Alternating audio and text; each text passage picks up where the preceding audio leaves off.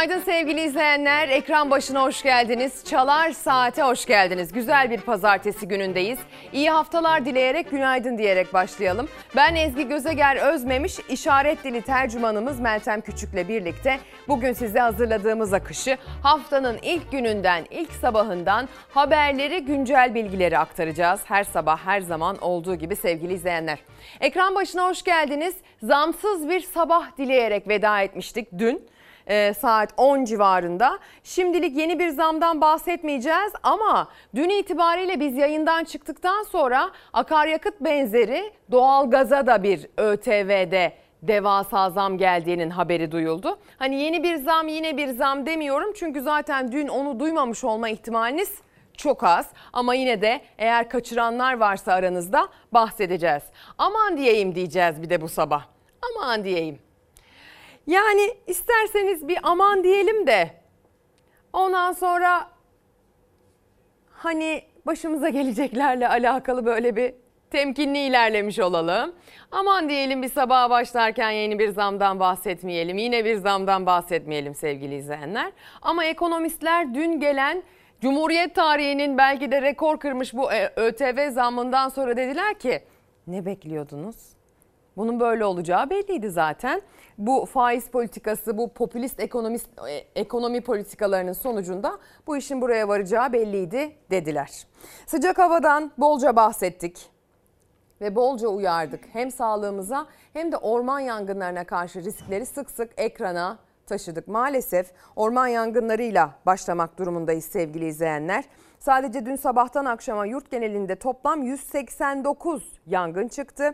Ee, bunu ilgili bakanlar açıklıyor. Yangınlardan 3'ü hala devam ediyor. Hatay, Çanakkale ve Mersin'de özellikle e, riskli alevler henüz tam olarak kontrol altına alınabilmiş değil. Ve dikkatinizi çekerim özellikle Hatay ve Mersin bölgesi dün itibariyle sadece sıcak hava ile ilgili değil aynı zamanda kuzeyli kuru ve sert rüzgarla ilgili de uyarı yaptığımız bölgeler. Sabah 6.55'ten bu ana kadar yaklaşık 19 yangın orta ve üstü çıktı. Bunların 16'sına müdahale edildi ve e, an itibariyle kontrol altına alındı. Şu anda sorunumuz bu 3 e, yangın. Gece boyu ciğerleri yandı Türkiye'nin yurdun farklı noktalarında sabaha kadar alevlerle mücadele vardı. Hala da sürüyor. Hızla yayılan yangınlar bir türlü söndürülemiyor. Hatay Belen'de saat 14 sıralarında başladı yangın. Yangının çıkış nedenini İçişleri Bakanı Ali Yerlikaya açıkladı. Soğukoluk mahallemiz e, Armutçuk mevkinde e, bir iki kişi bir evde iki kişi bahçelerindeki sazlık alanın e, temizlenmesiyle ilgili yaptıkları çalışmadan sonra bir ateş yakıyorlar. Maalesef bunu kontrol edemiyorlar. Dolayısıyla bu ciğerlerimizin yanmasına vesile oluyorlar. Bu vatandaşlar hakkında da e, şu anda yakalama kararı verildi ve yakalandı. Aralarında askeri helikopterlerin de bulunduğu 21 helikopter, 9 söndürme uçağı, 59 arazöz ve 500 personel sevk edildi bölgeye. Alevlerin hızla ulaştığı 3 ev yandı. Bazı köyler tedbir amaçlı tahliye edildi. Bir su tankeri de söndürme çalışmaları sırasında alevlerin arasında kaldı. Yangınla mücadele gündüzden geceye, geceden sabaha sürdü. Ancak hala söndürülemedi. Tarım ve Orman Bakanı İbrahim Yumaklı'nın asıl sorunumuz dediği 3 yangından biri de Çanakkale. Kızılkeçili köyünde başlayan orman yangını Kemal köyüne sıçradı. 16.30 sıralarında başlayan yangın tıpkı Hatay'da olduğu gibi sabaha kadar sürdü. Bir köy boşaltıldı. Gece ara verilen söndürme çalışmalarına sabah saatlerinde devam edildi. Yangın e, şiddetini kaybetmiş olmasına rağmen hala devam ediyor. Alevlerle mücadelenin sabahın ilk ışıklarına kadar sürdüğü bir diğer nokta Mersin. Günler ilçesi Kavakoğlu mahallesinde başlayan yangın rüzgar ve sarp arazi nedeniyle hızla büyüdü. Gün boyu havadan, gece karadan devam etti müdahale. Ve Balıkesir Ayvalık turistik cennet tepesinin alt kısmındaki çamlık alanda yangın çıktı. 23.30 sıralarında başlayan yangın sabaha karşı kontrol altına alındı. Sabaha karşı kontrol altına alınan var. Hala çalışmaların sürdüğü yerler var. Bakın bugün itibariyle özellikle e, Akdeniz bölgesinin doğusunda Kahramanmaraş, Gaziantep, Osmaniye'yi de içine alacak şekilde biraz Güneydoğu Anadolu bölgesinin batısı, Doğu Anadolu bölgesinin en batı illerinde hem sıcak hava etkisini sürdürecek hem de kuvvetli kuzeyli rüzgarlar etkisini sürecek, sürdürecek. Ee, kuzeyli rüzgar dendiği zaman normalde kış teamüllerinde böyle serin havayı hatırlarsınız. Ama yaz aylarında kuzeyli rüzgar demek özellikle o coğrafyada karanın üzerinden esen nem ihtiva etmeyen dolayısıyla kuru estiği için hem minik bir alevi harlama ihtimali yüksek olan hem de var olan nemi de tüketen bir rüzgar demek. Yani biliyorsunuz toprakta, ağaçta, e, o yeşil dokuda bir nem var. Kendi içinde bir nem ihtiva ediyor ama ne oluyor? Hava ısındıkça ve nemsizleştikçe bu rüzgarlar dolayısıyla tutuşma ihtimali artıyor. Bazen öyle oluyor ki bir izmarite ya da bir cam parçasının mercek görevi görmesine gerek kalmadan orman yangını doğanın kendi içinde yarattığı bir şey de olabiliyor. İşte bu ihtimali arttıran bir durumdan bahsediyoruz kuvvetli kuzeyli rüzgar derken. Zaten o bölgede hala soğutma, söndürme çalışmalarının devam etmesi de bu rüzgara bağlı yani tesadüf değil. Çok dikkat etmemiz lazım. Bu yaz itibariyle ormanlarımızı korumak anlamında, ağacımızı, yeşilimizi korumak anlamında dikkatli olmamız lazım. İrfan Tomakin'den rica edelim günün gazetelerini göndersin. Yeni Çağ gazetesiyle başlayalım bugün sevgili izleyenler. Yeni Çağ gazetesi manşetten zamlara yer veriyor ve diyor ki millete gece yarısı akaryakıt darbesi. Dünyada petrol fiyatları sabitken Türkiye'de dolar kuru değişmemişken AKP iktidarı akaryakıta yaptığı litre başı 5 liralık fahiş ÖTV artışıyla iğneden ipliğe yeni bir zam yağmuruna kapı araladı diyor. Bakın litre fiyatlarının güncellenmesini o fotoğrafla aktarıyor en altta. Düzenleme öncesinde motorinin litresi İstanbul'da 26 lirayken Ankara'da 26 lira 80 kuruş, İzmir'de 26 lira 97 kuruşken Gelen son zamla 28 lira, 28,53 lira, 28,63 lira olmuştu diyor. Ancak ÖTV artışıyla bu rakamlar 35.90, 33.18 gibi 35 liraya dayanan hatta yer yer 35 lira sınırını geçen seviyeye yükseldi. Bu gerçekten iğneden ipliğe bir zam zinciri demek. Aynı şekilde LPG'ye de zam geldi. Sadece benzin ve motorine değil bakın o da 15.91'e yükseldi. Otogaz ortalama fiyat olarak söylüyoruz tabi. Bu 15.91 demek bazı illerde kuruş farkıyla 16 lira seviyesine de çıkmış olabilir demek. Biliyorsunuz çünkü hani İstanbul, İzmir, Ankara veriyoruz ama bölge bölgede değişiklikler yaşanabiliyor. Hadi gelin bununla ilgili bir de Pencere gazetesine bakalım.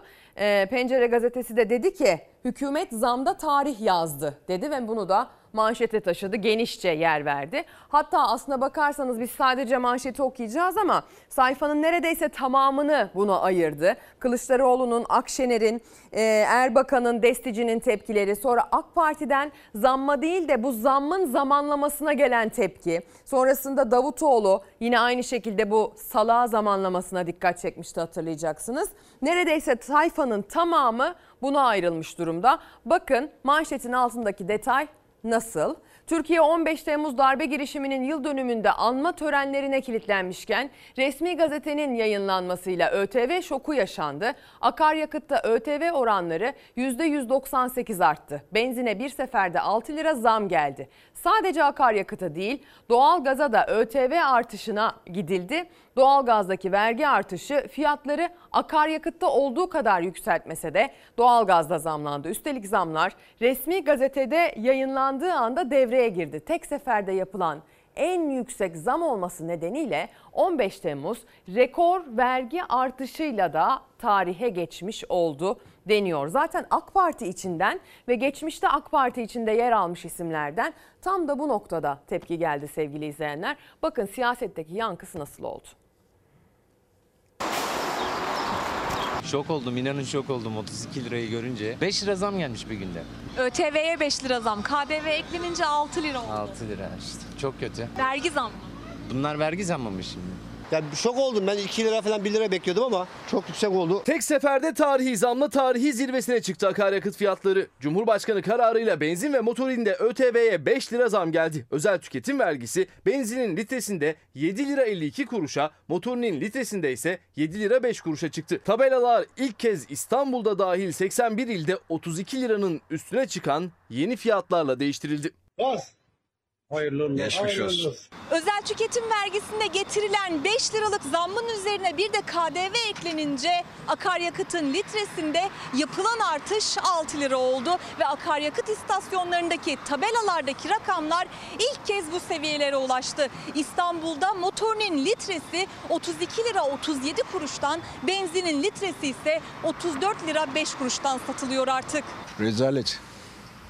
Yani böyle bir zam şekli yok. 50 kuruşa 1 liraya insanlar belki ses çıkarmıyordu ama 6 lira çok ciddi bir rakam. ÖTV zammı sonrası başkentte tabelalardaki son durum işte bu. Motorin 32 lira 87 kuruş, benzin 34 lira 58 kuruş. LPG ise 14 liraya yaklaştı. Seçimden önce 17 lira aldığımız yakıt şu an 34 lira. Yani olacak şey değil. Günlük 400-500'e yakıt alıyordum. Şu an 1300-1400. Seçimlerin ilk turunda 14 Mayıs'ta benzinin litresi İstanbul'da 19 lira 81 kuruştu. Motorin ise 18 lira 63 kuruş. Aradan geçen 2 ayda döviz zamları birbirini izledi. Üstüne bir de Cumhurbaşkanı Erdoğan imzasıyla ÖTV'ye 5 lira zam geldi. Üstelik motorinin litre fiyatına önce ÖTV ekleniyor sonra %20'ye çıkarılan KDV'si hesaplanıyor. Yani çifte zam gelmiş oluyor. Böylelikle 14 Mayıs'tan bu yana zam oranı %72'ye ulaştı. Diyecek bir şey kaldı mı bilmiyorum. Memursunuz, maaşınıza zam aldınız. Aldık ama ortada yani verdikleri gibi aldıkları için şu an keşke zam yapmasalardı diyoruz. Depolar doldukça fiyatlar katlanmaya devam ediyor. Son gelen zamlarla birlikte şu anda bir araç deposunu dolduruyor. 100 litreyi biraz geçmiş durumda ve ödeyeceği tutar 3500 liraya yaklaşıyor. Depo tamamen doldu. 107 litrelik benzin aldı araç sürücüsü. Ödediği ücret ise 3650 lira. Aynı miktardaki yakıtı zamdan önce alsaydı 643 lira 20 kuruş daha az ödeyecekti tüketici. 55 litrelik ortalama bir benzinli otomobil deposuna ise tek gecede 330 lira zam geldi. 1542 liraya doluyordu, 2000 liraya yaklaştı. Eskiden fullleyin diyordum ama biz o günleri şey yapamıyoruz. 400 liraya en fazla yakıt yaka- alabiliyoruz. Aslında meclisten geçen torba yasaya göre ÖTV'ye 6 ayda bir üretici enflasyonu kadar otomatik zam yapılmasına karar verilmişti. O da benzin ve motorinde 30-40 kuruş zamma denk geliyordu. Ancak Cumhurbaşkanı yetkisini üst sınırdan kullandı. Sürücülerin özel tüketim olarak görmediği akaryakıttaki ÖTV tarihinde ilk kez 5 lira birden arttı. Hani Süleyman Soylu oh oh diyordu ben de şimdi oh oh diyorum. Başka bu hükümet ne yapabilir ki? Fakirin cebine elini sokmuş hortum gibi çekiyorlar ondan sonra saltana sürüyorlar. Doğalgazda da KDV oranının %20'ye çıkarılmasının ardından ÖTV'de %224 zamlandı. Yani doğalgazdan alınan özel tüketim vergisi 3 katına çıkarıldı. Doğalgaz çıkartıyorduk biz. Petrol de çıkartıyorduk. Ne oldu? Nereye gitmiş bunlar? Valla ben yıllardır AK Parti'ye oy atıyorum. Elim kırılsa bir daha atmam yani. Ya zamlara zaten alıştık da bu kadar olmaz yani. Bunların yaptığı bambaşka bir şey yani. Bu kadar para nereye gidiyor? Oy tercihleriyle ilgili e, sizin gönderdiğiniz mesajlar da var. Emekli zammı konuşulurken de böyle bu beyefendinin verdiği röportajda olduğu gibi hangi kesimin kime oy attığıyla ilgili bir takım yargılamalar da gerçekleşmişti. Bilmiyorum ben artık bu tarz röportajları çok da ciddiye almıyorum sevgili izleyenler. Yanlış anlamazsanız eğer gönderdiğiniz bu tarz mesajları da çok kayda değer bulmuyorum. Yani şöyle bir kesimi eğer suçluyorsanız işte hükümete oy atmış olmak ya da tam tersi muhalefete oy atmış olmakla ilgili zaten elimden geldiğince bunu okumamaya gayret ediyorum. Çünkü kimsenin kimseyi bu anlamda yargılamaması gerektiğini düşünüyorum. Şuna artık işte ben bu tarafa veriyordum vazgeçtimleri çok fazla ciddiye almamaya başladım. Bakalım yaklaşan bir yerel seçim var. Ee, bu yerel seçimde İnsanlar kime neye göre karar verecekler bunu da zaman gösterecek. O zamana kadar köprünün altından eminim ki bolca su akacak ve Türkiye'de siyaset 24 saat içerisinde büyük değişiklikler gösterme potansiyeline sahiptir. Bunu çok deneyimli isimler biliyorsunuz yıllar önce dile getirmişlerdir. O yüzden e, bekleyip görmek lazım. Şimdiden çok peşin peşin konuşmamak lazım diye düşünüyorum. Şimdi isterseniz hazır bu tarihi vergilerden Ee, rekor kırmış vergi oranlarından, zamlardan bahsetmişken üstelik 15 Temmuz tarihinde vergi uzmanı Ozan Bingöl'e şöyle bir kulak verelim. Onun bu konudaki yorumu, bu gelen zammı nasıl tercüme ettiği bizim için önemli. Cumhurbaşkanı kararıyla yapılan zamlara baktığımızda zaten Cumhurbaşkanı yetkiyi torba yasayla almıştı. Motorinde 1 litrede maktu 2 lira 05 kuruş olan ÖTV 7 lira 05 kuruşa, benzinde 2 lira 52 kuruş olan ÖTV litrede 7 lira 52 kuruşa yükseltildi. Böylece aslında 1 litrede hem motorin hem benzin için 5 lira ÖTV artışı oldu. Ancak %20 KDV'yi de koyduğumuzda ÖTV'nin de KDV'sini aldığımızda pompa satış fiyatlarına yansıyacak tutar motorinde de benzinde de 6 liranın altında olmayacak. Bugün 60 litrelik benzinli bir otomobil için fazladan 360 lira artık vergi ödemek demek bu zamlar. Yani düne kadar 1500 liraya doldurduğunuz depoyu artık bugün 1860 liradan aşağı dolduramayacağınız anlamına gelmektedir. Aslında benzin ve motorinle sınırlı değil vergi artışları. E, Bir sayılı listedeki birçok üründe zaten ÖTV artışına gidildi. Bunlardan bir tanesi de konutlarda kullanılan doğalgazdı. Konutlarda kullanılan doğalgazın metrekübü içerisindeki ÖTV, maktu ÖTV tutarı da yaklaşık 3 kat oranında arttırılmış oldu. Meğer bugün anladık ki en pahalı doğalgaz ücretsiz dağıtılan doğalgazmış. Devletin sağladığı lojmanda oturanların, makam aracı kullananların, birden fazla maaş alanların, temsil ağırlama harcamalarından harcamalarını yapanların, artan kiralardan, hayat pahalılığından, güncellenen KDV'den, yükselen ÖTV'den şikayet olur mu? Olmaz. Ancak unutulmamalıdır ki küçük bir azınlığın mutluluğu büyük bir çoğunluğun yoksulluğu pahasına sürdürülemez. Küçük bir azınlığın mutluluğu, büyük bir çoğunluğun mutsuzluğu. Bu çektiği sefalet pahasına sürdürülemez. Kaç tane makam aracı var? 125 bin. CHP'de biliyorsunuz Veli Ağbaba tarafından geçtiğimiz hafta açıklanmıştı bu rakam. Ve demişti ki 125 bin makam aracı var ama bununla da bitmiyor. Zaten bakıldığında geçmiş yıllara göre araç alım oranı binler seviyesinde, yüzde binler seviyesinde artmış durumda. Bunun yanı sıra işte şoförüydü, benziniydi, lastiğiydi, bakımıydı derken bu araçların masrafları da ona göre devletin kasasından ödeniyor. Yani şimdi o 125 bin aracın akaryakıt masrafında da böyle bir artış yaşanmış oldu örneğin. E bakıyorsunuz Almanya ile kıyaslıyor siyasiler, Hollanda ile kıyaslıyor. Almanya dediğiniz bu araçların bizim bayıla bayıla bindiğimiz makam araçlarının üreticisi konumda. Bizimkilerin onda birinden daha az makam aracına sahipler. Şimdi sırada ne var İrfan Tomakin? Sözcü gazetesinin manşetine gidiyoruz sevgili izleyenler. Sözcü gazetesinin manşetinden ilgili habere de bakacağız. Diyor ki zamın zammın şiiri. Doğalgaz ve akaryakıta faiz zam geldi. Vatandaş şair oldu. Bir depo benzin 1800 lira 10 bin olmuş en ucuz en ucuz kira. Dikiş tutmaz artık bu yara. Geçinebilirsen geçin Ali Cabbar. Memurun zammına azıcık koydular. Emekliyi desen fena oydular. Davulun sesini uzaktan duydular. Yaşayabilirsen yaşa Ali Cabbar. ÖTV, KDV coşup duruyor. Bir kesim zamlara oh olsun diyor. Kurtulabilirsen kurtul Ali Cabbar. Bizim millet cabbardır iyi direnir. Ekmek olmasa pasta da yenir. Bundan sonrasına bilmem ne denir. Zevk alabilirsen al Ali Cabbar. Ergün çekinmez söyler sözü. Görebildiğinden korkmaz gözü. Anlamayana getirin divan sazı. Dayanabilirsen dayan Ali Cabbar diyor. Son dönemin en çok konuşulan hikayesi ve şarkısına uyarlanmış bir zam şiirini bugün manşetin altında değerlendiriyor Sözcü gazetesi. AK Partili Külünk'ten zamlara tepki, garip tepki şeklinde o zamanlama tepkisine de dikkat çekmiş gazete. AKP'li Metin Külünk Erdoğan imzalı zamlara tepki gösterdi. Külünk akaryakıta yapılan ÖTV zamlarının hem 15 Temmuz'a hem de Sela okunmasına denk getirilmesi kirli bir operasyondur dedi diyor. Yani aslında biz bunu böyle olmasını biz de istemiyorduk gibi bir tepki mi? Bilemiyorum. Hadi gelin siyasetteki o yansımasına bakalım. Başkanım akşamleyin işte evet. Sela ile beraber çok güzel şeyler yaptılar. 14 Mayıs'ta benzinin fiyatı, mazotun fiyatı 19 liraydı. Bugün 34 lira. Dün akşam 7 lira birden biz de şaşırdık. Ne olduğunu farkında bile değiliz. Herhalde amaçlar da buydu zaten. Kimse fark etmeden 6 lira 7 lira zam ne demektir ya? Deseler bu son bir daha gelmeyecek hadi bunu Hadi anlarız. eyvallah diyeceğiz, o da yok. Ben adım gibi biliyorum bir süre sonra tekrar gelecek. 15 Temmuz artık Cumhuriyet tarihinde akaryakıta yapılan en büyük zammın da yıl dönümü olarak anılacak. Böyle bir zam olur mu?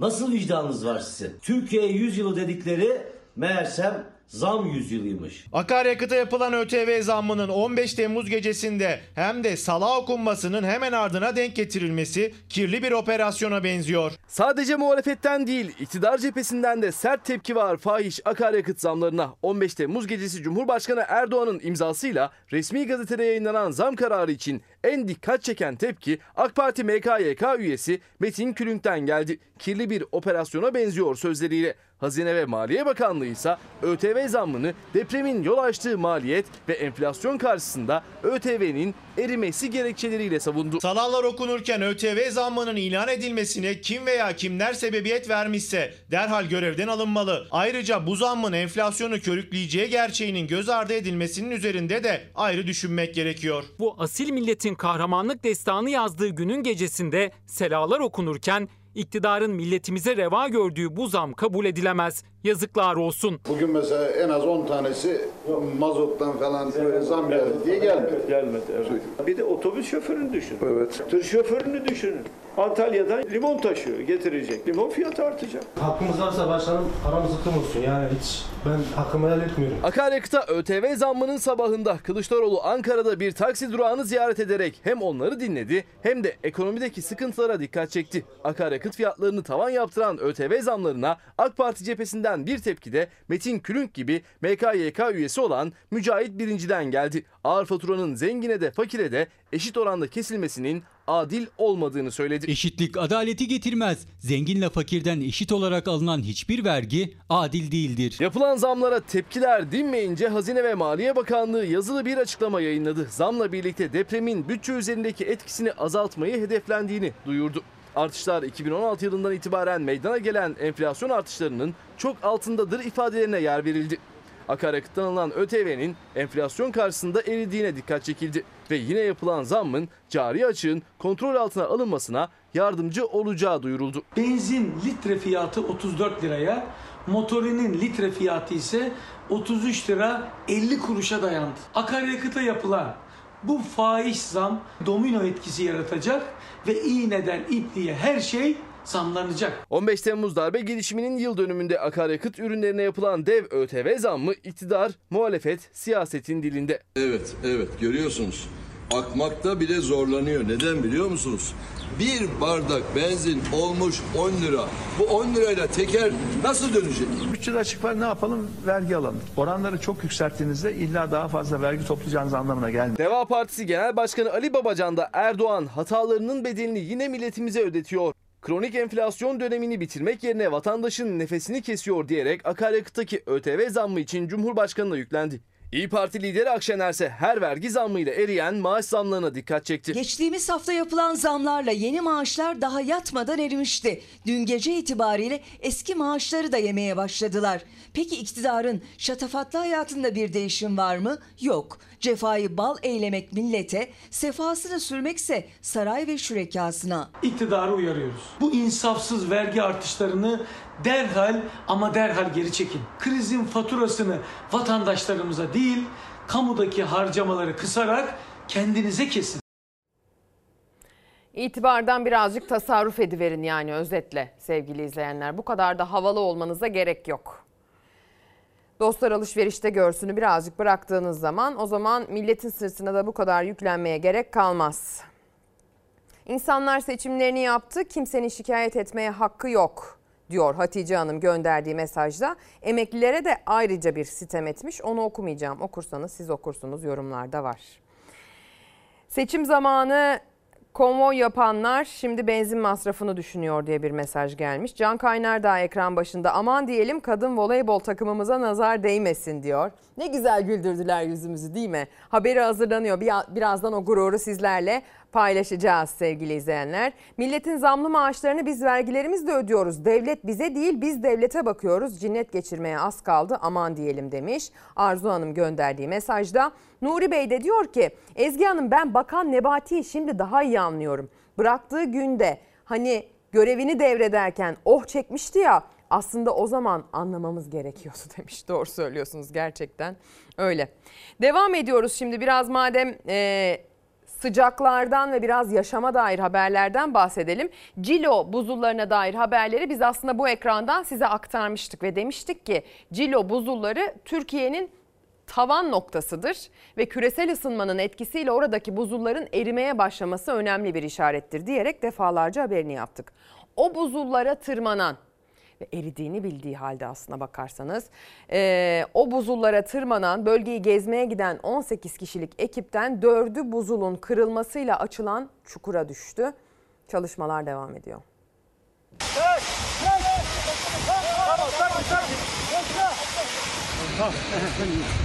Şöyle geçelim, yan geçelim. Cilo buzullarında doğa gezisine çıkmışlardı. Üzerinde yürüdükleri buzul kırıldı. Dört kişilik grup çukura düştü. İki dağcının kurtarıldığı bölgede iki dağcıya hala ulaşılamadı. Tarihi yaklaşık 20 bin yıl öncesine kadar giden Hakkari'deki Cilo buzulları aslında son yıllarda Türkiye'de küresel ısınmanın en net görüldüğü yerlerden biri. Buzullar yok olmanın eşiğinde. 4000 rakımlı Cilo dağlarında buzullar eriyor. Doğa sever 18 kişilik grupta buzulları görmek için Cilo dağlarında geziye çıktı. Buzulların üstünde yürüdükleri sırada kırılma oldu. 4 kişi kırılan buzulla açılan çukurun içine düştü. Şurası, e, buradan aşağı düştükleri için şu an gör- görünemiyor. Yüksekova Ekolojik Platformu Dağcılık ve Spor Derneği'nin arama kurtarma ekipleri ihbar üzerine seferber oldu. Kurtarma çalışmaları başladı. Sesi duyulan iki kişi kaldıkları yerden zorlu bir mücadeleyle kurtarıldı. Bölgedekiler tarafından kurtarılan Kemal ve Gülay Avcı çifti hastaneye kaldırıldı. Hakime Koç ve Mehmet Aydın'a ise ulaşılamadı. Havanın kararmasıyla ara verilen çalışmalara sabah tekrar başladı ekipler. Ancak kayıp iki kişiye hala ulaşılamadı. İyi haber bekliyoruz sporcularımızdan. Sevgili izleyenler çalışmaların sürdüğünü söyleyelim. Şimdi biraz çarşıya pazara çıkacağız. Çarşıya pazara bugün bir çıkacağız. Bir de bundan bir hafta 10 gün sonra çıkacağız. Bakalım aradaki fark da nasıl olacak. Çünkü bunlar ÖTV zammı gelmeden önce o pazara nakledilmiş yaş sebze ve meyvenin fiyatları sevgili izleyenler. Sonrasını varın siz düşünün. Tarla başladı. Geldi, geldi. Fiyatlar yakıyor, yakıyor, el yakıyor fiyatlar. Her şeyle aldığım 5,5 milyar maaş veriyor bana. Benim evimin kirası 6 milyar. Vallahi billahi. 6 milyar. Ne aldım ne yiyeyim. Bak hiçbir şey almadım ha. 5 tane domates aldım. Bir kilo da salata aldım eve gidiyorum. Biz İstanbul'da halden alıyoruz ürünleri. Kendi arabamızdan getirdiğimiz için ama akaryakıt zamları çok etkiledi. Şimdi ne olacak? Malların üstüne binecek. E, hale gelen mallar nereden geliyor? Dışarıdan geliyor. Dışarıda nakliye de şimdi çoğaldı. Ne olacak? Pahalılık üstüne pahalılık. Allah milletin yardımcısı olsun. Ne diyeceksin? Sabretmeye çalışıyoruz, mücadele etmeye çalışıyoruz ama işin içine gerçekten çıkamıyoruz. Müşteri için de çok zor bir durumda, esnaf için de. Yani fiyatları yüksek, esnaf para kazanmıyor.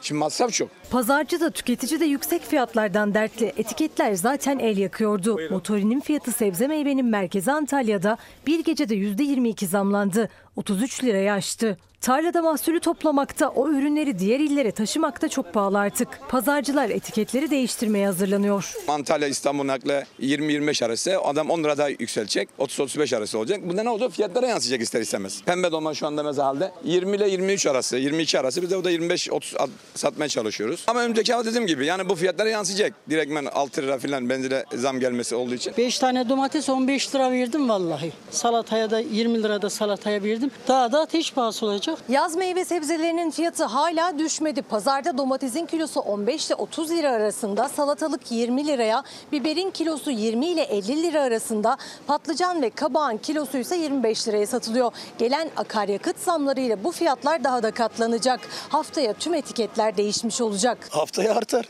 E, zam üstüne zam. Fiyatlara bak daha da artar. Fasulyenin kilosu 50 lira. Normalde ne kadar 25 lira olmalı. Tahminim ben bence 65-70 olur. İşte Allah yardım etsin.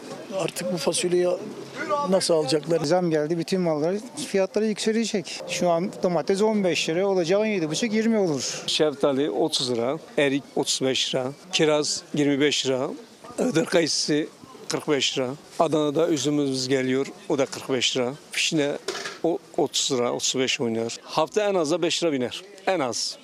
Çünkü mazot çok. Hepsi bu meyvelere yükleniyor. Her şey. Bu mevsimde bu kadar bağlıysa daha sonra daha çok ol- olur. Bugünkü bütçem 500 liradır. Ama yetmeyecek yani alacağım şeylere yetmeyecek. Lükse girenleri arkaya bırak, ihtiyaç olanları almak zorundayız. Mesela meyve var.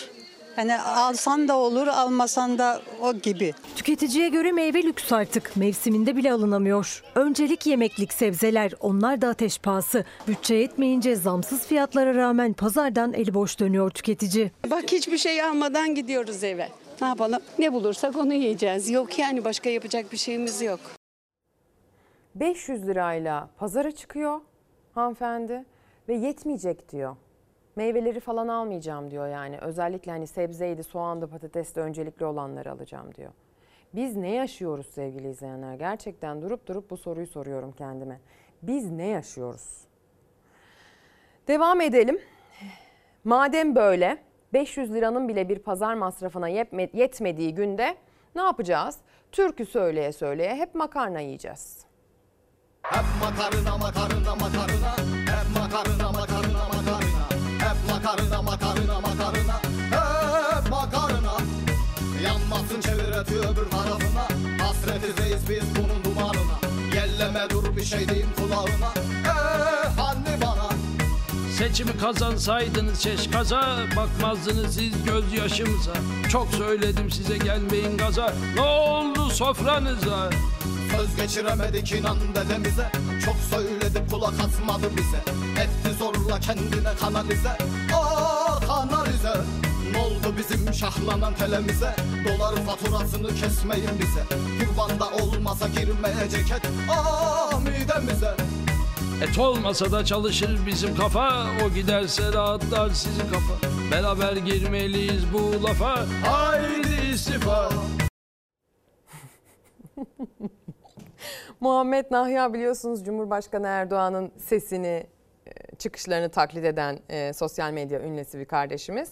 Yellow de e, benzer şekilde gündeme tepkisel şarkılarıyla e, sosyal medyada var oluyor. Bu iki sosyal medya içerik üreticisi bir araya gelip böyle zaman zaman güçlerini birleştiriyor sevgili izleyenler. Ortaya ağlanacak halimize güldüren eserler çıkıyor. Teşekkür ediyoruz. O zaman isterseniz bir Cumhurbaşkanı Erdoğan'ın kulaklarını e, parodisi üzerinden çınlatmışken e, kendisinin de peşine düşelim, güncesini tutalım. Recep Tayyip Erdoğan bugün Suudi Arabistan, Katar ve Birleşik Arap Emirlikleri'ni kapsayan ve Körfez turuna çıkıyor. Özellikle ekonomi alanında yeni işbirliği anlaşmalarının yapılması bekleniyor. Cumhurbaşkanı Erdoğan'a e, iş insanlarının eşlik etmesi bekleniyor. Bakalım sonuçlar nasıl olacak? Cumhurbaşkanı Yardımcısı Cevdet Yılmaz ve Hazine ve Maliye Bakanı Mehmet Şimşek'in ardından Cumhurbaşkanı Erdoğan da Körfez turuna çıkıyor. Seçimlerden sonra Körfez ülkelerine ziyaret gerçekleştireceğini açıklamıştı Cumhurbaşkanı ve bugün o ziyaretler için yola çıkacak. İlk durağı Suudi Arabistan olacak. Erdoğan Riyad'da Kral Selman bin Abdülaziz El Suud'la görüşecek. Suudi Arabistan Türkiye İş Forumu'na katılacak. Ardından Katar'a geçecek. Katar emiri El Sani ile bir araya gelip Katar Türkiye İş Forumu toplantılarına katılacak. Erdoğan'ın 3. ve son durağı ise Birleşik Arap Emirlikleri olacak. Muhammed Bin Zayed ile Abu Dhabi'de görüşecek. Üç ülkede yapılacak görüşmelerde özellikle ekonomik anlaşmaların imzalanması bekleniyor. Üç gün sürecek ziyaretlerin ardından Cumhurbaşkanı Erdoğan Türkiye'ye dönecek. 10 milyar dolar para bekleniyormuş bu ziyaretlerin sonunda. Bakalım sana bana faydası olacak mı bu ziyaretlerin? Hürriyet gazetesine bakalım hepimize faydası olsun. Şöyle bir gururlanalım. Aynı şeye gururlanmanın sevincini yaşayalım. Aynı şeye mutlu olalım. Böyle ideolojik görüş, hangi partiye oy attın, oy atmadın meselesine hiç bakmadan hep beraber sevineceğimiz bir olayı şöyle büyütelim. Olimpiyat yolunda diyor gazete. Erik dalıyla müthiş zaferler. Biliyorsunuz filenin sultanlarının dün yarı finale yükseldiğini gururla aktarmıştık. Bugün daha iyi bir haber veriyoruz. Filenin sultanları Milletler Ligi'nde İtalya'nın ardından son olimpiyat şampiyonu Amerika Birleşik Devletleri'ni de kendi evinde 3-1 devirerek olimpiyat kotası için büyük bir avantaj sağladı deniyor ve nasıl kutluyorlar? Erik dalı oynayarak. Eda'nın gözyaşları 24-16 kaptan servisi kullandı. Bir nokta mı bitti Allah'ım? Allah'ım! Allah'ım! Şampiyonuz! Şampiyonuz! Şampiyonuz! Kazandık! Sonunda! Sonunda altın madalyayı aldık! İşte her şey verilen, her mücadele, dökülen her damla ter bu kupa içindi. Filenin sultanları Milletler Ligi şampiyonu oldu. Tüm ülke, tüm ülke kucaklaşıyor şu anda. Çok büyük mutluluk, çok büyük sevinç. 2023 Milletler Ligi şampiyonuyuz. Milletler Ligi'nde tüm Türkiye'yi heyecanlandıran A milli kadın voleybol takımımız oldu. Millilerimiz adım adım kupa yolculuğuna çıktı. Türkiye onlarla beraber heyecanlandı, onlarla beraber umutlandı. Servis kaçıyor, 2-1 öne geçiyoruz. Gerçekten son derece etkili oynadığımız bir setti. 2-1 öndeyiz şimdi. Yarı finalde Amerika Birleşik Devletleri'ni eleyen filenin sultanları gece saatlerinde finalde Çin'le karşı karşıya geldi. Nefes kesen mücadeleyi filenin sultanları 3-1 kazanmayı bildi. Maç sayısının gelmesiyle millilerimiz büyük coşku yaşadı. Şampiyonuz! Şampiyonuz! İşte müthiş sevinç. Tüm ülke, tüm ülke kucaklaşıyor şu anda. Kupa töreni öncesinde ise maçın oynandığı Amerika Birleşik Devletleri'nde Türk ezgileri duyuldu. Milli voleybolcularımız teknik heyet hep birlikte sahada bu kez Erik Dalı oynadı.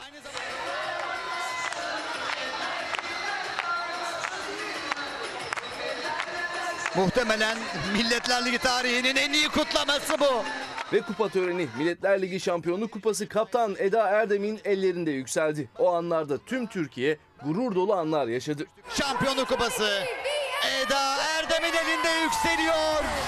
2023 Milletler Ligi şampiyonu Ay Yıldızlı milli takımımız oluyor.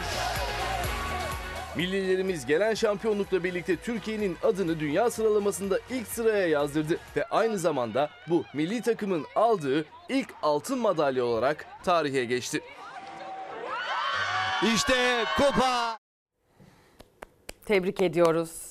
Tüyler diken diken izliyoruz sevgili izleyenler. Çok teşekkür ediyoruz. Çok ihtiyacımız var böyle başarılara, böyle ortak sevinçlere, böyle ortak gururlara. Filenin sultanları bizi ilk defa gururlandırmıyor. Bu kupaya pek çok kez yaklaştılar.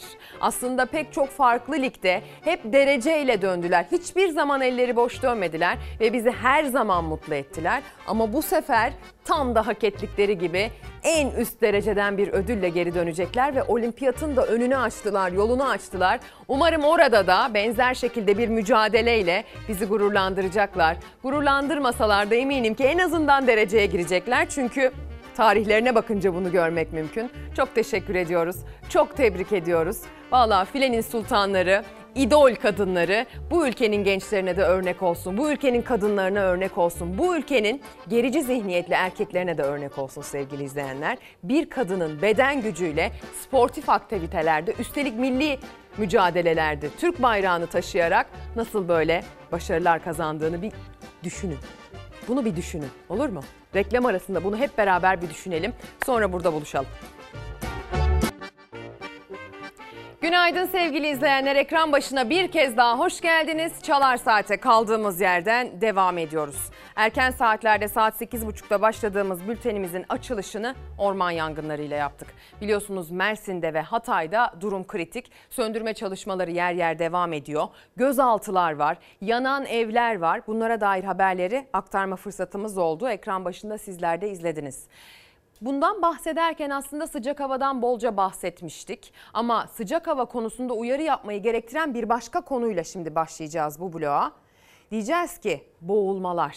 Son dönemde boğulmaların maalesef sayısının artması durumu söz konusu. Son bir buçuk ayda yaklaşık 90 kişi hayatını kaybetti boğulma sebebiyle. Özellikle son sıcaklarda çoğunluğu çocuk olmak üzere pek çok boğulma vakası yaşandı.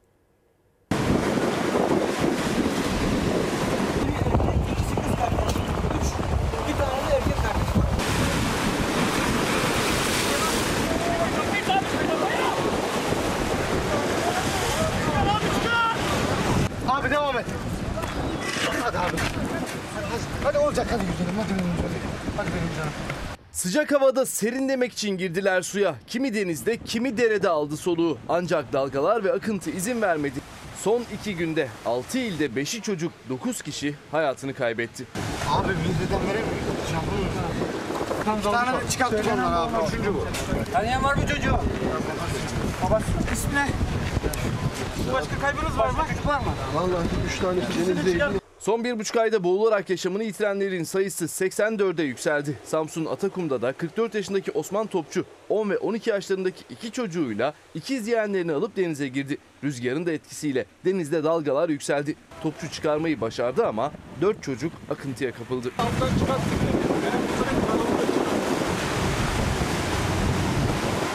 Denizde ölüm kalım mücadelesinde olay yerine gelen dalgıçlar çocukları kurtarmak için seferber oldu. Önce iki kardeş 10 yaşındaki Elif Nur Topçu ve 12 yaşındaki Oğuzhan Topçu sudan çıkarıldı.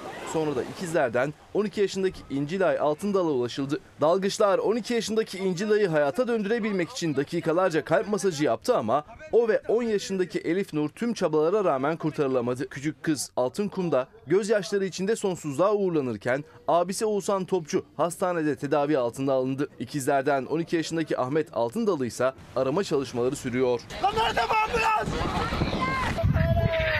Feryatların yükseldiği bir diğer il başkent Ankara'ydı. Polatlı dereye giren 17 yaşındaki Osman Miraç Şentürk ve kız kardeşi 11 yaşındaki İnan Şentürk boğularak hayatını kaybetti. Kocaeli'de de dün gün boyu süren umutlu bekleyiş yerini büyük bir acıya bıraktı. Darıca'da arkadaşlarıyla birlikte serinlemek için girdiği denizde kaybolan 13 yaşındaki Özgür Mert Demirkıran'ın cenazesine 10 saat sonra ulaşıldı. Tekirdağ Marmara Ereğlisi Yeni Çiftlik sahilinde de Utku Aslan boğularak yaşamını yitirdi. Suda epilepsi nöbeti geçiren Özgür Çakan da tüm çabalara rağmen kurtarılamadı.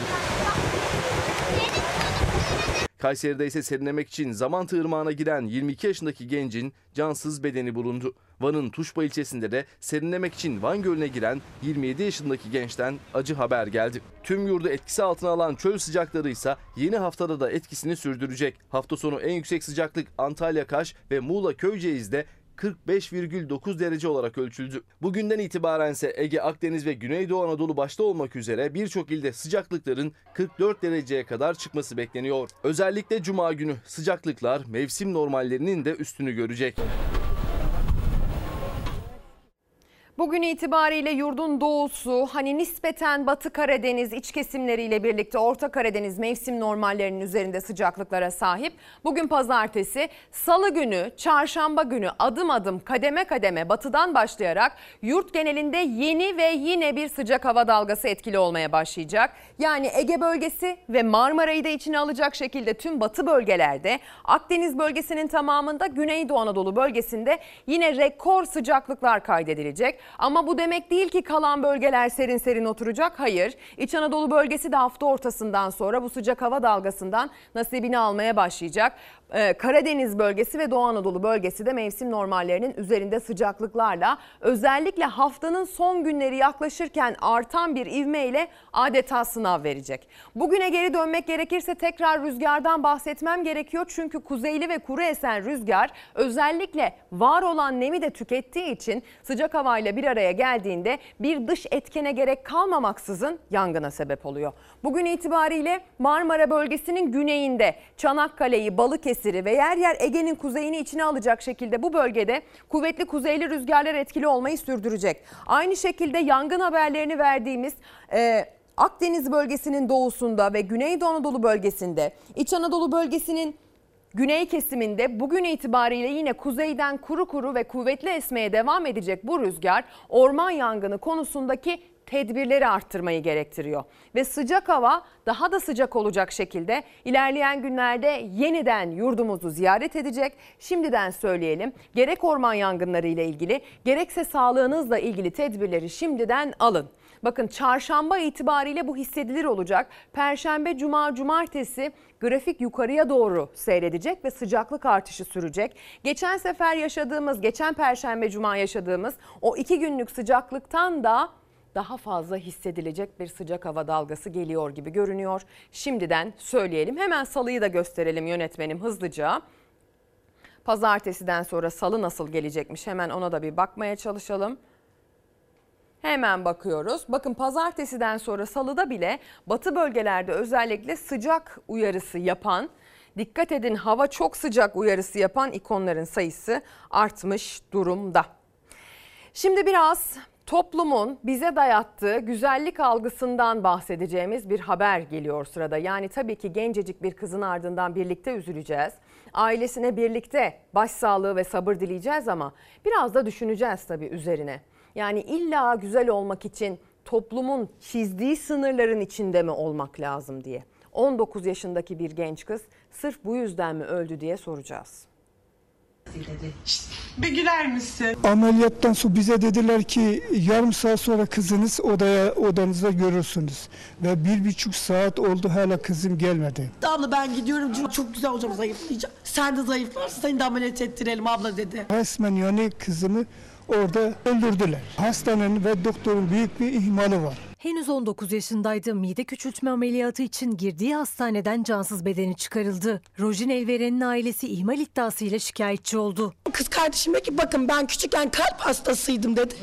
Ya bir sorun olur mu? Yok hiçbir sorun olmaz. Sonra biz öğreniyoruz ki otopside benim kardeşimin kalp ritimleri bozukmuş. Benim aileme diyorlar ki başınız sağ olsun. Ya suçu hatası olmayan bir doktor, bir insan kaçar gider mi? İstanbul'da kasiyerlik yapan 19 yaşındaki Rojin Elveren, kağıthanede özel bir klinikle mide küçültme ameliyatı için anlaştı. Doktor E ameliyatı Bağcılar'daki bir özel hastanede yapacağını söyledi. Elveren ameliyata alındı. Operasyon beklenenden uzun sürdü. İkinci saati içerisinde odaya 3-4 tane doktor gelerek bize aynı şu cümleyi kurdular.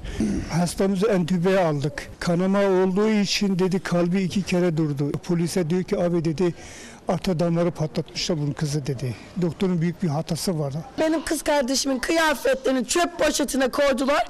Verdiler bize bizi gönderdiler. Çöp gibi attılar 38 milyar aldı. Ben adalet istiyorum kardeşim için. İddiaya göre genç kızın aort damarı patlamıştı. Acılı aile doktordan şikayetçi oldu. Rojin Evren'in ölümüne ilişkin soruşturma başlatılırken bir ihmal haberi de başkentten geldi. Hastanın karnında makas unutuldu. 8 ay sonra röntgenle fark edildi. Ameliyat oldum ben yani iyileşme beklerken ben iyileşemedim bir türlü. Röntgen çeken teyze dedi sende makas mı var dedi bana. Oğlum ne makası bende makas falan yok dedim. Sende makas var dedi. Ankara Pursaklar'da özel bir hastanede ameliyat oldu Şadiye Boyun. Ağrıları hiç dinmedi. Karnındaki makasla 8 ay yaşadığı ortaya çıktı.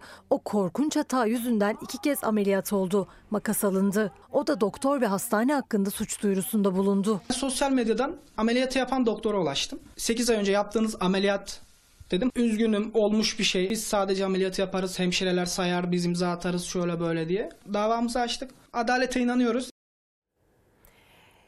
Şimdi biraz yine ekonomi diyeceğiz ama voleybol konusunda kazandığımız başarı, yaşadığımız gurur, kadın voleybol takımımızın, millilerimizin bize yaşattığı bu gururu bizimle paylaşan Derya Çayırgan, yine milli bir voleybol e, sporcusu bizimle birlikte bu sevinci bizimle paylaşmış. Kendisine teşekkürlerimizi iletelim buradan. Şimdi dedik ki ekonomiden bahsedeceğiz ekonomiyi nasıl idare ettiğimizin bir fotoğrafını çekeceğiz. Eskiden olduğu gibi eskilere aslında daha çok önem verir hale geldik. Ayakkabısıydı, kıyafetiydi bunları tamir edip yeniden kullanmaya yönlenmiş durumdayız. Bu bir tarafıyla çevreci ama aslında ekonominin de net bir fotoğrafı. Önceden ayakkabı tamiri e, insanlar ihtiyaç dışı yaptırıyordu. Yani kıyamıyordu, atamıyordu, yaptırıyordu. Ama günümüzde e, şimdi biraz da her şeyin pahalanmasıyla beraber haliyle ayakkabı, çanta, işte valiz tamirleri şu anda insanlar yaptırıyor. Samsunlu ayakkabı ustası Turgut Dursun son bir yılda işleri arttı. Zaman hemen yeni ayakkabı alma değil eskiyi tamir ettirme zamanı çünkü. Onun işlerindeki artış aslında vatandaşın alım gücünün nedenli düştüğünün de göstergesi. Eskiye göre tabii ki daha çok şu anda tamir olaylarında bir artış pahalan, pahalılıkla beraber e, günümüzde malum oluyor yani. Eskiden tek tük olan tamir işlerine artık yetişemiyor ayakkabı tamircileri. Ayakkabısı eskiyen hemen yenisini almak yerine 50 liraya yeniletip bir süre daha giyinmeyi tercih ediyor. Ayakkabı tamirleri 50 TL ile 200 TL arası değişkenlik gösterebiliyor. Keza valizlerde de öyle. Eskiye rağbet alım gücünün nedenli düştüğünün de fotoğrafı aslında. Alınmayan ayakkabılar olduğu zaman da e, ihtiyaç sahipleri geliyor. Veyahut da ayakkabı, ikinci el ayakkabı satıyor musunuz diye soranlar oluyor. Sadece ayakkabı değil, çantalar ve valizler de eskisinden fazla yenileniyor. Gereksiz tüketim yerine eskiyi tamir hem kullanıcıyı hem de tamirciyi memnun ediyor.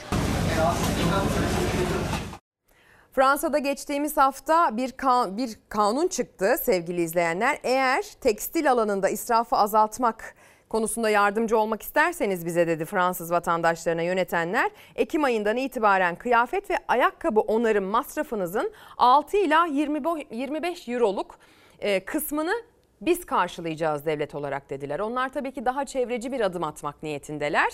Ee, ama bu aslında bir yandan da teşvik edilmesi gereken bir alan. Çünkü yüz binlerce, milyonlarca ton eski kıyafet ve ayakkabı her yıl çöpe atılıyor. Bu da dünyanın sırtında bir yük. Devam edelim. Hangi mesleği yapmak istiyorsunuz ileride genç kardeşlerim varsa ekran başında? İlerleyen dakikalarda burada konusunda yetkin bir profesör olacak, bir üniversite rektörü burada olacak ve sizlere bu konuda bilgiler verecek. Şimdi isterseniz hem yeni mezun hem de okulu devam eden genç gazetecilere, gazeteci adaylarının ne yaptığına bir bakalım. İzmir'e doğru uzanacağız. Bizim meslekte usta çırak ilişkisi önemlidir. Tarım gazeteciliği alanında da bilgi sahibi olmak gerçekten benim için çok iyi oldu. Genç gazeteciler ustalarla buluştu. İzmir'de gazetecilik bölümünde okuyan öğrenciler ve yeni mezun olmuş gazeteci adayları alanında uzman isimlerle bir araya geldi. Efes Tarlası Yaşam Köyü'nde tarım gazeteciliği buluşması gerçekleştirildi. Geleceğe bırakacağız kaygısını giderek odağın emeği, odağın canlıyı, odağın tarımı destekleyecek yazılar ve haberler yapmanız en büyük temennim olabilir. Efes Selçuk Belediyesi ev sahipliğinde gerçekleşti buluşma. Seferi Keçi ve Seferihisar Gazeteciler Derneği'nin katkılarıyla tarım gazeteciliğinin önde gelen isimleri deneyimlerini aktardı. Tarım gazeteciliği ile ilgili bir toplantıda ben de kendi deneyimlerimi genç arkadaşlarla paylaşmak bana göre en büyük mutluluklardan biri oldu. Tarım yazarı Ali Ekber Yıldırım, tarım ve gıda yazarı ziraat mühendisi Bilge Keykubat ve İlk Ses gazetesi yazı işleri müdürü Erdal Erek konuşmacılar arasındaydı. Onlar anlattı, gençler dinledi. Birlikte en azından kendime bir tecrübe katmış olmak isterim. Aldığım eğitim de inanılmaz verimli benim için genç gazeteci öğrenci olarak. Gençlerin geleceğinden bahsetmişken bugün gözümüz kulağımız Yüksekova Adliyesi'nde olacak sevgili izleyenler. Bir gencin hatta bir çocuğun uğradığı istismar acaba mahkemece görmezden mi gelinecek? Somut de, e, gerekçe yok, somut delil yok denip acaba göz ardı mı edilecek? Halbuki pek çok bulgu olmasına rağmen bunun da duyurusunu yapmış olalım.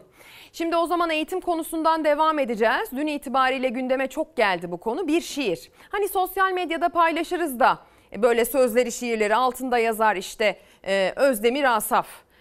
Can Yücel yazar mesela. Kimse de sorgulamaz gerçekten bunu kaleme alan altta yazan isim midir diye. Öyle bir hikaye. Böyle bir paylaşım sosyal medyada zaten çok dönüyormuş. Ya biz yapabiliriz. Biz böyle bir hatada bulunabiliriz. Biz bunun doğruluğunu kontrol etme gereği duymayabiliriz. Biz gazeteciler kontrol etmek zorundayız da hani sıradan sosyal medya kullanıcıları olarak biz diyorum. Ama bunu çoluğun çocuğun bilgisini ölçen bir kurum hata yaparsa eğer sorduğu soruda aslına bakarsanız Elif Şebnem Akal'a ait olan şiirin altına Can Yücel yazılıyor sosyal medyada diye soruyu aynı şekilde taşırsa o zaman biz de sorarız siz nasıl bilgi ölçüyorsunuz? Bir telefon sesi çalmalı ara sıra kulağımda. Yoksa zor değil, hiç zor değil. Demli çayı bardakta, karıştırıp bir başına, yudumlamak doyasıya. Sınavda soru olarak sorulması, hani şiirin ulaşabildiği en üst nokta, bir şairin gurur duyabildiği en e, hoş şey bence bir şiirle ilgili. Onur benden çalınmış gibi hissettim. Milyonlarca öğrencinin bilgi birikimini sınayan ÖSYM, şair Elif Şebnem Akalın şiirini Can Yücel'e aitmiş gibi sordu. 2020 yılındaki KPSS'de yapıldı hata. Şair Akal dava açtı, mahkeme ÖSYM'nin tazminat ödemesini hükmetti. Kızımın bir arkadaşı sınava girmiş ve aynen şöyle bir mesaj geldi. Annenin şiiri Can Yücel'in ismiyle soru olarak soruldu bu sınavda diye. Aynen sular döküldü başımdan. İnternet ortamında sosyal medyada defalarca yapılan hatayı kamu personeli seçme sınavında ÖSYM yaptı. Genel kültür sorusunda şair Akalın Çaya Kaç Şeker şiirinden alıntı yapıldı. Eserin sahibi olaraksa şair Can Yücel gösterildi. Bir soru olarak sorulması ve burada da yanlış yapılması beni çok incitti, kötü hissettim. Keşke benim adımla sorulabilseydi diye düşündüm. Çünkü bu onuru kimseye bahşetmek istemedim. Yani Can Yücel'in de böyle bir onurlandırmaya zaten hiç ihtiyacı yok. Açıkçası kötü hissettim ve ağladığımı hatırlıyorum ÖSYM'ye. Bu konuda dava. Karar gazetesinden Gülcan Aslan'ın haberine göre İstanbul Anadolu 2. Fikri ve Sınai Haklar Mahkemesi ÖSYM'nin 15 bin lira manevi 650 lira maddi tazminat ödemesini hükmetti. Dava 2,5 yılın sonunda Akal'ın lehine sonuçlandı ama şair Akal'ın hukuk mücadelesiyle asıl dikkat çekmek istediği eser sahibine hakkının verilmesi. Ayrıca şöyle bir algı var. İyi şiir bitti ve bütün iyi şairler öldü. Yazılan bütün iyi şiirler de geçmiş ait. Ben yaşayan bir şairim. E, Bu şiir bir kadın şaire ait. Bir soru olarak sorulması evet bir şair için çok büyük bir onur ve ben bu onuru almak istedim o davayı kazanarak. Benim için maddi ya da manevi düşünülen tazminat miktarının bir önemi yoktu ama bunun bu şekilde sonuçlanması, bana ait olduğunun dava sonucunda da belirtilmesi beni çok mutlu etti. Bir zafer kazanmış gibi oldum. Eğitim sisteminin konuşulacak, tartışılacak maalesef çok fazla tarafı var. Biz de olabildiğince fazla konuyu eğitime getirmeye gayret ediyoruz zaten bu stüdyoda. Sizler de daimi izleyenler olarak şahitsiniz. Bizi daimi izleyenler, hani geçtiğimiz yıllarda da izleyenler biliyorlar ki ben e, rektör hocamla Yayın yapmayı çok severim. Profesör Doktor Muhammed Şahin yayın konuğumuz. Hocam hoş geldiniz. Siz Hoş bulduk. geleceksiniz diye konuyu biraz böyle eğitime doğru yaklaştırdık özellikle akışımızda. Çünkü Güzel. eğitim konuşacağız. Ekran başında tercih yapacak olan öğrenciler olabilir. Önümüzdeki yıllar içerisinde üniversite hayali kuranlar olabilir. Ya da çocuklar uyuyorsa belki veliler olabilir. Ee, Dolayısıyla Muhammed Hocam'la birlikte aslında bu yaz dönemi biraz da biliyorsunuz üniversite tercih dönemidir. Bunu konuşmak niyetindeyiz. Ama eğitime dair konuşacak başka başlıklar da var hocam. Başka sorular da soracağım size bilginiz olsun. Tamam. Hoş geldiniz. Hoş Nasılsınız? iyi bulduk. misiniz? Teşekkür ediyorum. Siz nasılsınız? İyiyiz biz de. İyiyiz. siz de Yoğun bir dönem geçiriyorsunuz. Yoğun bir dönem. Severek Evet, çalışıyoruz. kesinlikle. Motiveyiz, hevesliyiz, ayaktayız. Olanı biteni Evet. anlatıyoruz. Görevimizi layıkıyla yerine getirmeye gayret ediyoruz hocam. Ee, İstanbul Teknik Üniversitesi'nde yaklaşık 20 yıl görev yapmış bir akademisyen Muhammed Şahin. Aynı zamanda e, kendisi e, rektörlük yaptığı dönemde ben mezun oldum okuldan. Dolayısıyla benim diplomamda imzası olan rektör hocamdır. O yüzden her gelişi benim için özeldir ve heyecan kaynağıdır. Ee, bu yüzden çok mutlu oluyorum birlikte burada yayın yapıyor olmaktan ve eğitimi birlikte tartışıyor olmaktan. Son günlerde özellikle karma eğitimi çok tartışır hale geldik. Milli Eğitim Evet. Bakanımız biliyorsunuz bir çıkış yaptı. Profesör Doktor Sayın Tekin. Yaptığı çıkıştan sonra karma eğitime karşı e, mı acaba yeni yapılanma, hükümet yapılanması diye düşünür olduk ister istemez. Siz ne düşünüyorsunuz? Ee, tabii açıklama bana göre üzücü ve üzüntü verici, e, gereksiz, e, zamansız. E, Şimdi karma eğitim, Türkiye'nin böyle bir sorun olduğunu düşünmüyorum bir kere. Yani e, biz çocuklarını, e, erkek çocukların olduğu kızlarını e, okula göndermeyen bir toplum yapımız yok. Cumhuriyet 100. yılında e, istediğimiz düzeyde çağdaşlaşmamış olsa da büyük oranda o bu dönüşüm yaşandı bu ülkede. E, ayrıca e, bu ilkokul için söyleniyor sanırım ama ortaokul, lise için zaten imam hatipler var. İsteyen çocuklarını oraya götürebili- gönderebiliyor. Eğitim 8 yıl zorunlu eğitimdi. Sonra 12 yıla çıkarıldı aslında. Bu iktidar çıkardı. Bu ne demek? Ee, ailelerin isteğine bağlı değil. Çocuğunu Evet. devlet e, alıp götürmek zorunda. Yani demek ki devlet bu işi görevini yapamıyor demektir. Keyfi değil demek ki yani. Evet, keyfi değil. Eğitim ailelerin inisiyatifine bırakılamaz. Yani devletin sorumluluğunda, devletin denetimindeki okullarda yapılır. Ee, yasada da bu var. Ee, bunu yapamıyoruz demek e, doğru değil. Başka şeyler e, aranabilir ama gereksiz bence bu olabileceğini hiç düşünmüyorum. Kız çocuğu Şimdi- okula gelmiyorsa bu çocuk nerede diye sormak lazım. Aa bu kızı da kız okulu açıp oraya gönderelim bari madem ailesini de içi rahat etsin demekten ziyade. Bence hiç kimse e, yani karşılaşıyoruz şimdi tabii eğitimci olduğumuz için mesela e, kayıt dönemlerinde aileler arıyor. Yani bu kadar imam hatip açtık. İmam hatiplere dahi çocuğunu göndermek istemiyor. Yani şey anlamında e, adrese e, dayalı e, imam hatiplerde. Yani e, bu açıklamaları yapanlar kendi çocuklarını gönderirler mi öyle okullara? Bir de yani Öyle olmadığını Ee, gözlemliyoruz. en tabii okul bilgi aktarılan yer değil. Okulda sosyal iletişim becerisi en büyük beceri. Yani ve e, gerçek geleceğe hazırlamak, topluma hazırlamak. E, toplumda da yani dünyada da kadın erkek birlikte çalışıyor. Yani bunun tekrar tartışılması e, yersiz anlamsız. Ayrıca e, iktidarın bir politikasının olduğunu düşünmüyorum. Çünkü e, yeni seçimle birlikte Cumhurbaşkanımız tüm heyetiyle birlikte rotayı tekrar Avrupa'ya çevirdi, Amerika'ya çevirdi.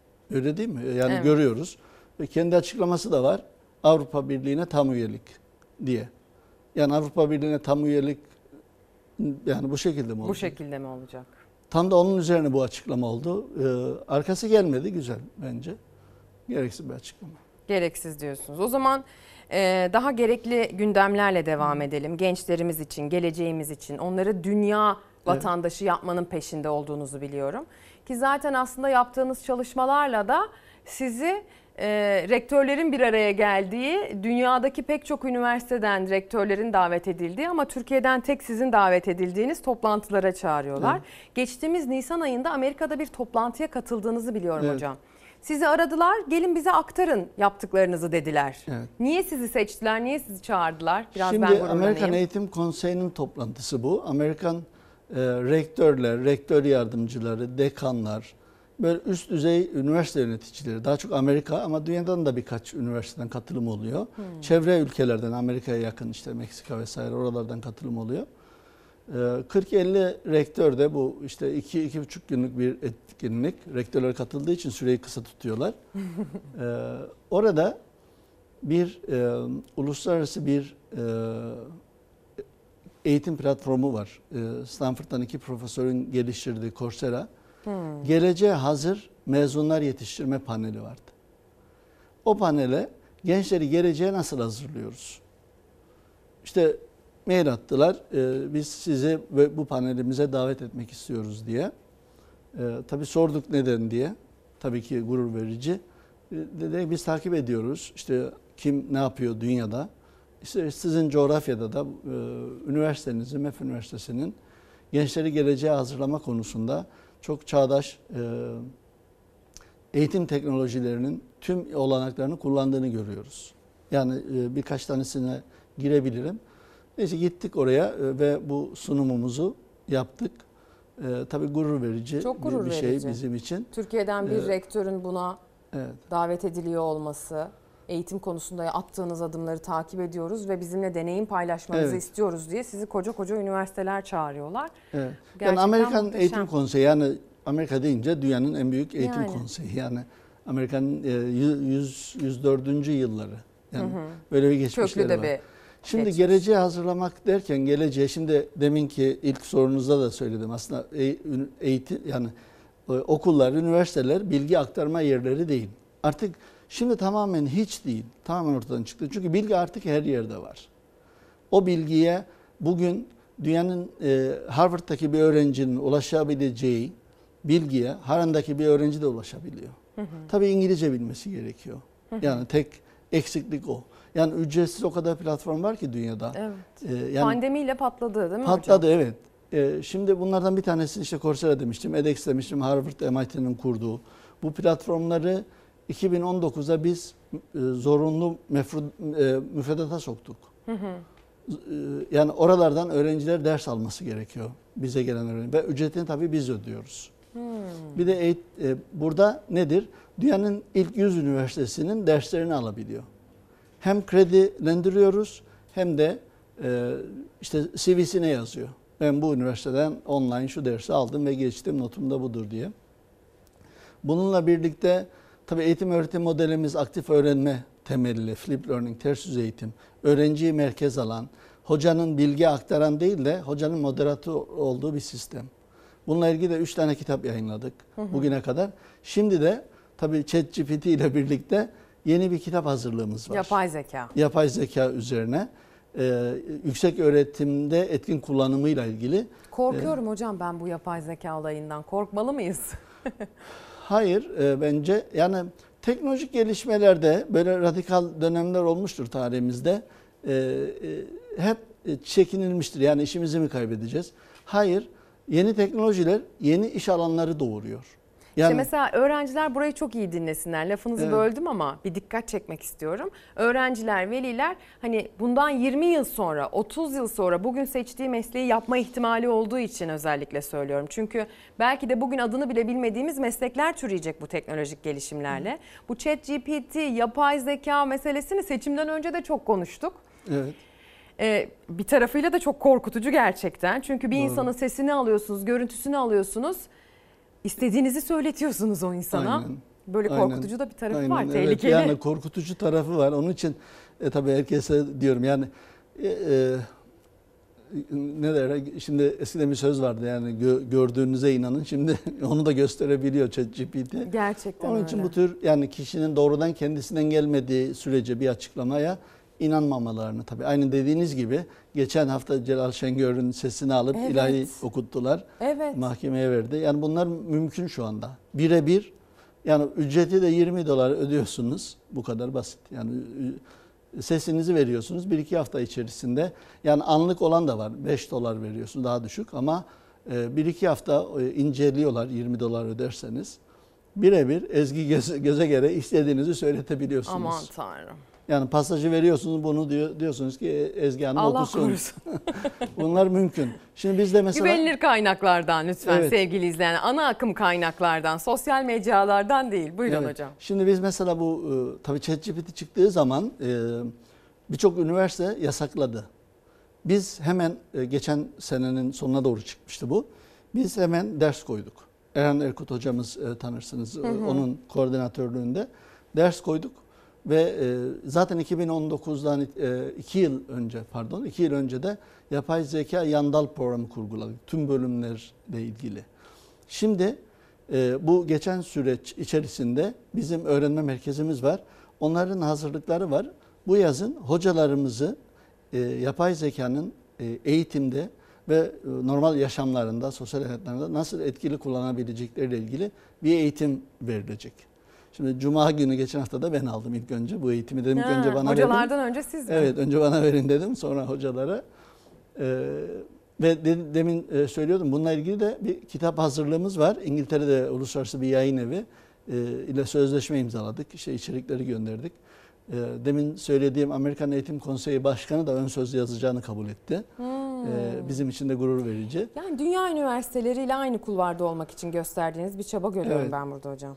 Şimdi şöyle yani dünya eğitimde eğitimde fark yaratabiliyoruz. Öyle büyük paralara gerek yok. Araştırmayla yani dünya üniversiteleriyle kıyaslarken tabii araştırmada zor. Araştırmada bir ekosistem gerekiyor. Yani para da yetmiyor, bütçe de yetmiyor. Ülkede böyle bir ekosistem varsa yani bir bir ekosistem demek birbirini destekleyen bağımsız mekanizmalar. Siyasetten uzak ama. Bağımsız. müdahale etmediği ba- bağımsız mekanizmalar. Bugün e, dünyada işte unicornlar çok e, söylüyoruz. E, kısa sürede 3-5 yılda 1 milyar dolar değere çıkan şirketler ulaşan. Dünyada 1200'ün üzerinde unicorn şirketi var. E, şu anda aktif durumda.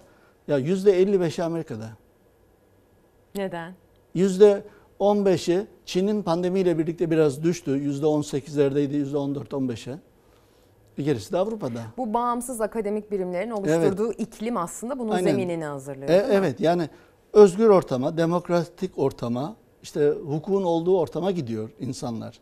Yani e, Türkiye e, batıdan yani son zamanlardaki tabii ki bir eğitimci olarak, bir e, baba olarak, veli olarak tabii ki destekliyoruz. Türkiye'nin yönünü zaten Atatürk 100 sene önce çizdi.